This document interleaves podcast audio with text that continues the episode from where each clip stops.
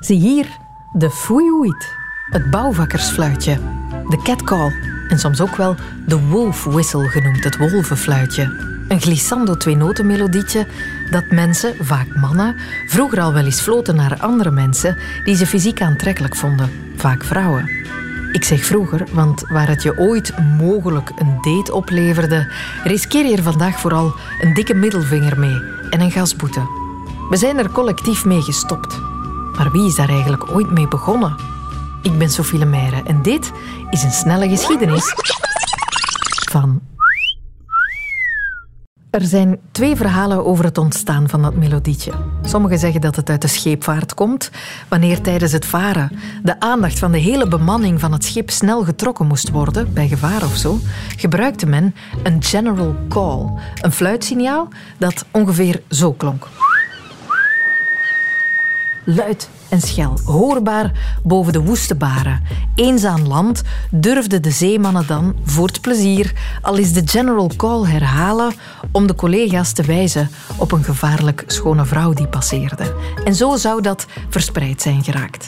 Onzin, zeggen anderen. Het komt uit de Zuid-Albanese schaapherderswereld. De schaapherders die zouden de wolf whistle gebruiken om andere herders en hun schapen kilometers verderop te waarschuwen voor wolven. Snel en efficiënt.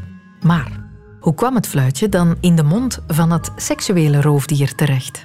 Goeie vraag, Sophie. En dat weet niemand zeker. Alleen dat het gepopulariseerd is geweest door de cartoons en films van de jaren 30 en 40. Zoals in Red Hot Riding Hood. Een van de bekende roodkapje-bewerkingen is dat van de cartoonist Tex Avery. Dat is die van Bugs Bunny en Daffy Duck en zo. In die cartoon treedt Roodkapje op als een sexy variétézangeres in een nachtclub. Met in haar publiek, in driedelig pak en met hoge hoed, de wolf. Red Hot Riding Hood! Die zot wordt.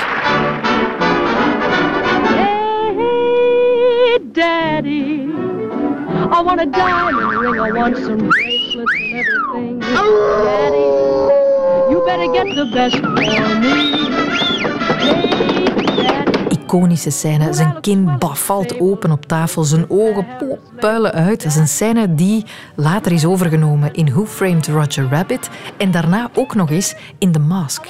En dan moest de romantische thriller To Have and Have Not met Humphrey Bogart en Lauren Bacall nog in de zalen komen. Ook dit is een iconische scène geworden.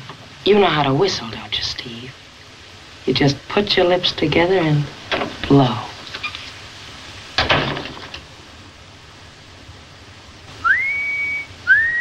De man, zo onder de indruk van de vrouw, fluit. Wordt ook door de vrouw uitgenodigd tot fluiten en wordt door de kijker sympathiek gevonden in al zijn romantiek. Fluiten wordt een hype, zozeer zelfs dat autoproducenten klaksons beginnen te ontwikkelen die klinken als de whistle there. Zo sympathiek en normaal vond men het toen om overal vrouwen te gaan befuiten. De wolfwissel komt pas in 1955 voor het eerst negatief in het nieuws. Wanneer een 14-jarige zwarte jongen het waagt te fluiten naar een blanke vrouw en vervolgens door een woedende massa gelyncht wordt. Die jongen, Emmett Till, wordt zo een symbool van de Civil Rights Movement in de Verenigde Staten. En dan is er nog die andere beweging die in de loop der jaren aan belang wint: het feminisme. Dat de beledigende, denigrerende en bedreigende aard van dat fluitsignaal begint aan te kaarten. En dus verdwijnt de wolfwissel langzaam maar zeker uit de soundtrack van het dagelijkse leven en uit de soundtrack van de cinema. En misschien maar goed ook, hè? We zijn geen schapen, hè?